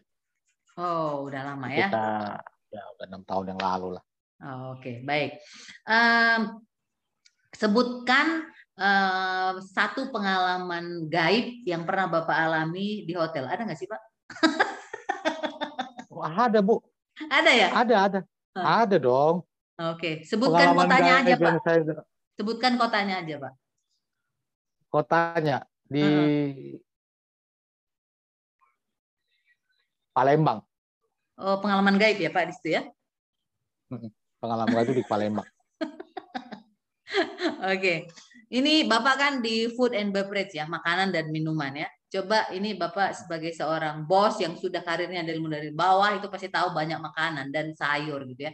Sebutkan lima sayur yang berwarna kuning, Pak. Lima sayur yang berwarna kuning. Ya. Paprika, uh, jagung. Mm -hmm. Yang ketiga itu uh, saya nggak tahu bahasa Indonesia-nya apa. Paprika, jagung, pepaya. Pepaya buah, Pak? Uh, oh, sayur ya? Iya, sayur. sayur. Dua. Yang ketiga apa ya? Yang ketiga, pumpkin. Pumpkin, labu. Pumpkin, labu. Yang keempat itu yang kuning. Tiga aja deh. Tiga aja, oke. Okay. Saya tahu. Okay. Sebutkan tiga menu hotel. Oh lima, ini mungkin bapak banyak tahu. Lima, lima menu hotel yang gluten free. Gluten free. Hmm. Hmm. Wah, kalau gluten free itu banyak ya, Bu, yang tidak mengandung uh, saya susah bilang pakai bahasa Indonesia, pakai bahasa pakai bahasa Inggris. Nah, apa Pak? Yang saya tidak bisa mengandung yang tidak mengandung tepung. yang mengandung gluten tepung ya. Tepung hmm. itu yang tidak mengandung yang mengandung kacang-kacangan ya, gluten free, gluten gula yang tidak mengandung gula ya. Tepung, tepung. Tepung-tepungan ya, Bu ya. Tepung itu tepung maizena. No, makanan yang tidak mengandung gluten, menu yang tidak mengandung gluten. Aduh, Ibu mah pertanyaannya buat saya bingung. Ibu tanya yang lain deh, gimana kayak gimana sih caranya mau menghitung untungnya hotel gitu. Gluten itu bisa di googling. Banyak. Itu bisa di googling. Oh. itu bukan ibu pertanyaannya kan pertanyaan waktu Indonesia bercanda nih. Iya benar karena uh, ini ditonton oleh anak-anak juga pak. Gluten Seorang general manager tidak tahu ya di makanan yang menu yang tidak mengandung gluten yang tidak mengandung gluten itu adalah satu hmm. uh, Tumis kangkung? Tumis kangkung masuk dong. Iya, tidak mengandung gluten kan? Eh.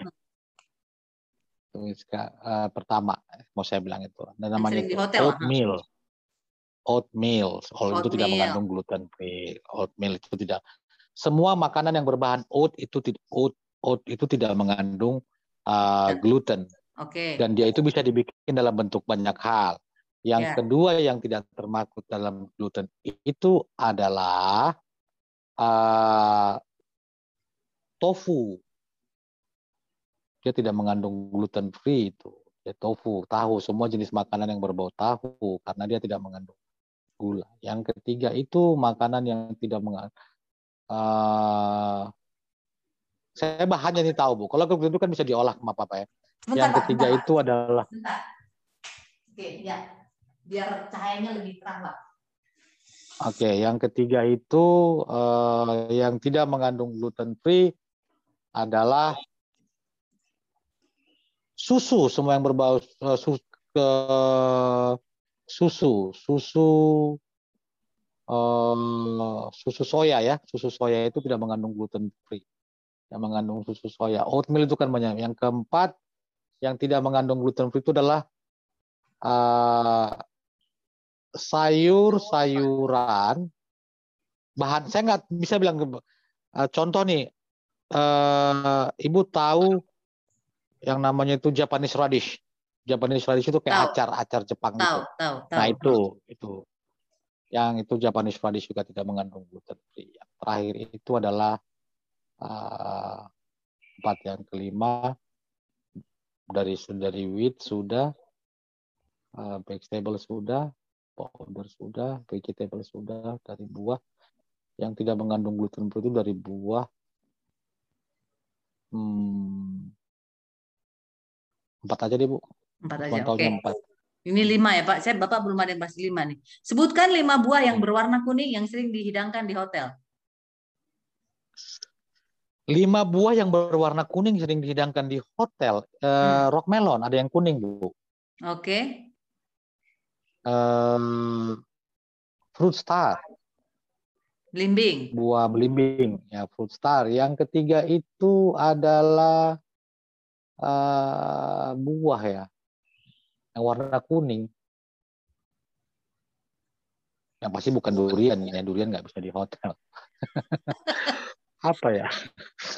Buah yang kuning uh, star rock melon yang kuning terus. Dua aja deh bu. Oh saya tadi nggak sempat menghafal makanan dari Oke, okay. ternyata pertanyaan-pertanyaan sederhana ini juga untuk seorang pimpinan hotel juga sulit ya, gitu. Kayaknya ini lebih mudah dijawab oleh anak sekolah Agak. minggu. Oke, okay, baik. Yang berikutnya oh, ini ya. Oke. Oke. Oke.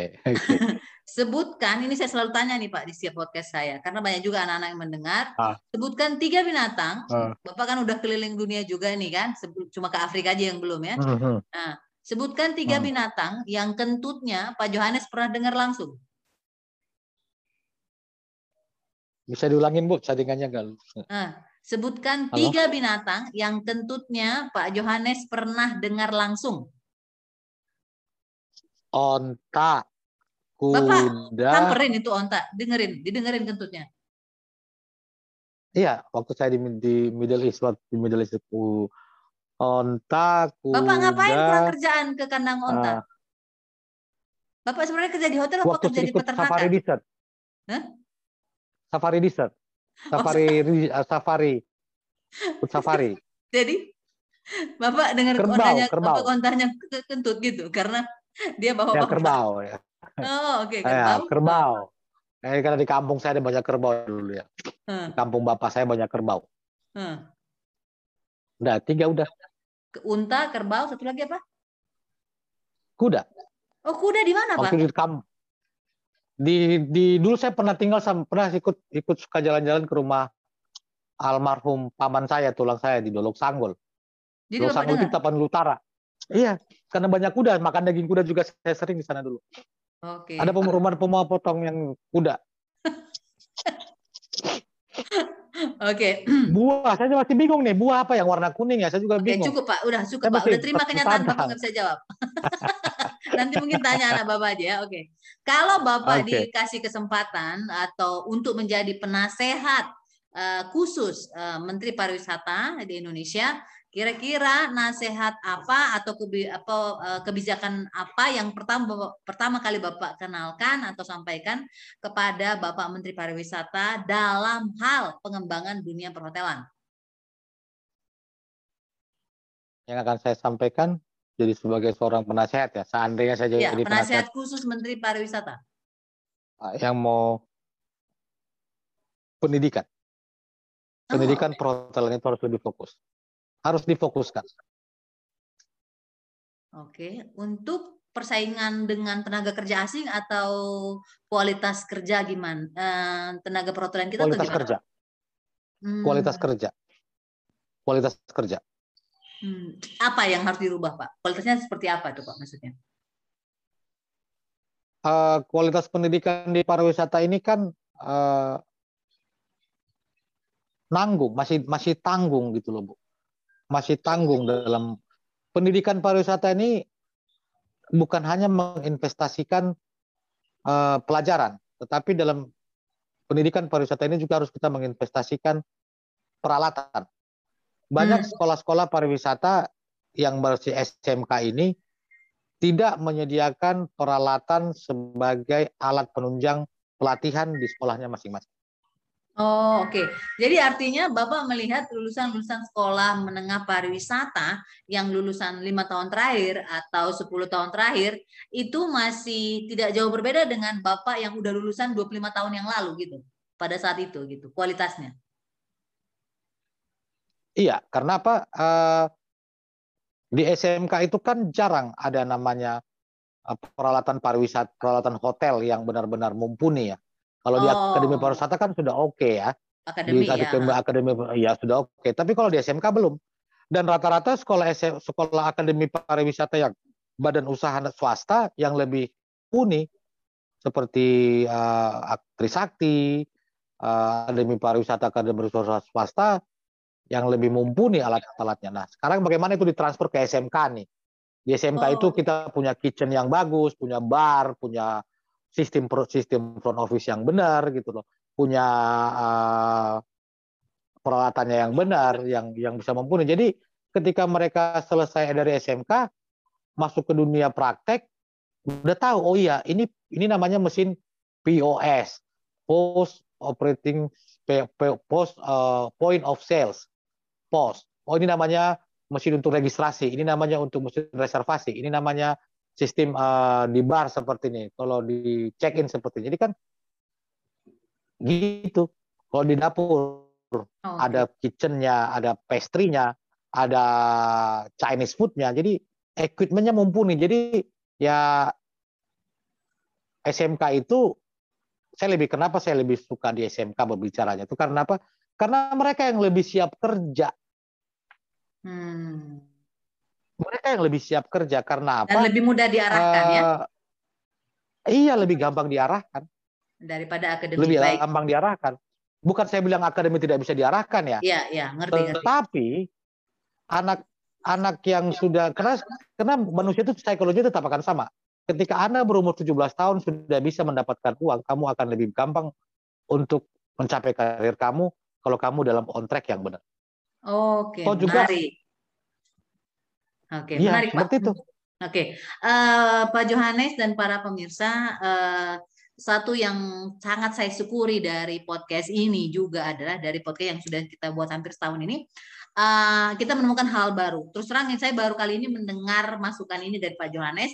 Eh, mungkin ini nanti bisa jadi satu apa ya, satu pertimbangan atau satu langkah yang kira-kira juga bagi Pak Johannes bisa diwujudkan, bisa disampaikan.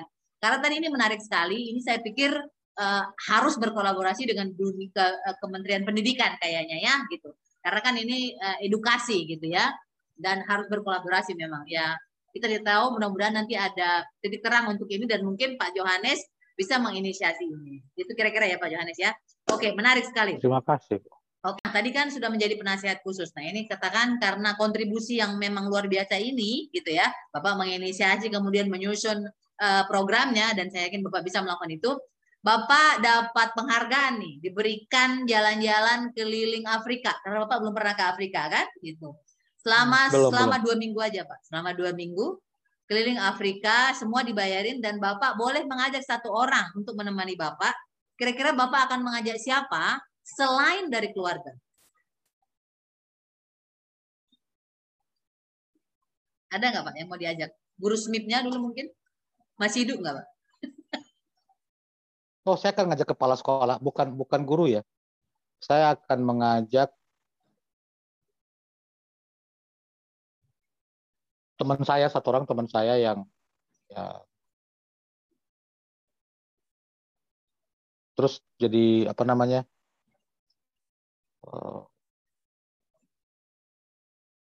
Boleh teman kan, Bu? Boleh, ya harus teman. Nggak boleh keluarga. Nggak boleh keluarga ya? Nggak boleh keluarga. Nggak boleh ada hubungan uh, keluarga.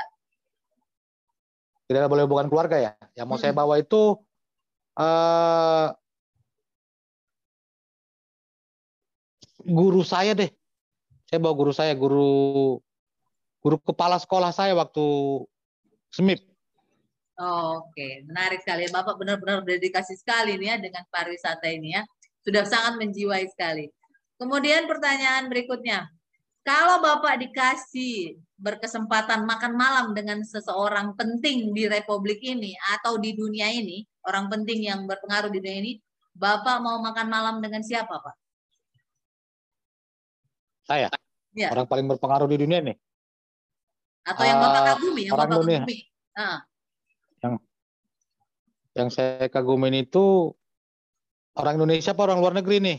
Terserah, pilih satu orang yang Bapak mau makan malam dengan dia. Kira-kira mau makan malam dengan siapa? Boleh perempuan. Uh, saya mau makan malam dengan yang pasti Jokowi ya. Oke. Tiga pertanyaan yang akan Bapak tanyakan ke Pak Jokowi pada saat makan malam kira-kira apa saja? Yang pertama itu yang akan saya tanyakan adalah kapan borders apa namanya perbatasan dunia ini perbatasan Indonesia dengan dunia luar ini dibuka pada setelah pandemi dan itu penting ya. Yang kedua yang saya tanyakan uh,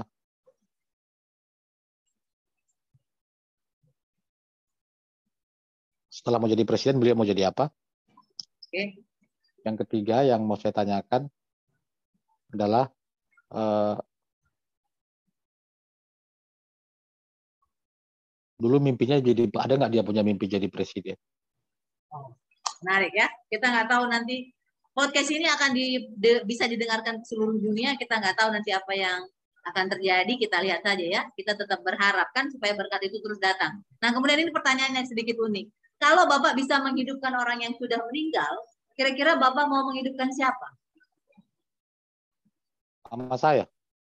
Oh, oke, okay. baiklah. Semua orang kayaknya itu ya. nah, hmm. ini ini ini pertanyaan terakhir ya. Ini pertanyaan terakhir. Kalau Bapak terlahir kembali, kira-kira ada nggak yang ingin Bapak perbaiki dalam diri Bapak? Nggak ada. Saya nggak mau terlahir kembali. Ribet nanti urusannya. Oke. Baik. Terima kasih banyak Pak Johannes. Apalagi tadi makannya sudah datang itu, jadi harus cepat-cepat makan ya, makan teratur kan disiplin ya. Terima kasih banyak atas waktunya. Saya senang sekali. Uh, apa namanya ada pengetahuan baru juga yang saya peroleh dari sini. Semoga Pak Johannes tetap semangat tetap ber apa ya tetap terus belajar gitu ya tetap menjadi garam dan terang di mana pun berada dan tetap mau terus beradaptasi ya itu kan proses ya gitu supaya terus bermanfaat bagi orang banyak. Sukses terus maju terus dan sehat-sehat yang pastinya ya. Terima oh. kasih.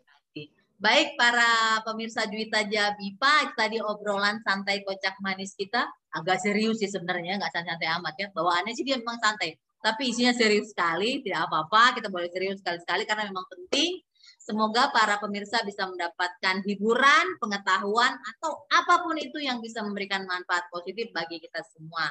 Jadi seperti yang tadi disampaikan, kerja keras, ketekunan itu harus terus dijalankan kalau masih mau hidup, ya. terus ya, harus terus maju, jangan menyerah. Terima kasih banyak, sehat-sehat terus. Kita ketemu lagi di episode berikutnya Juwita Jabipa.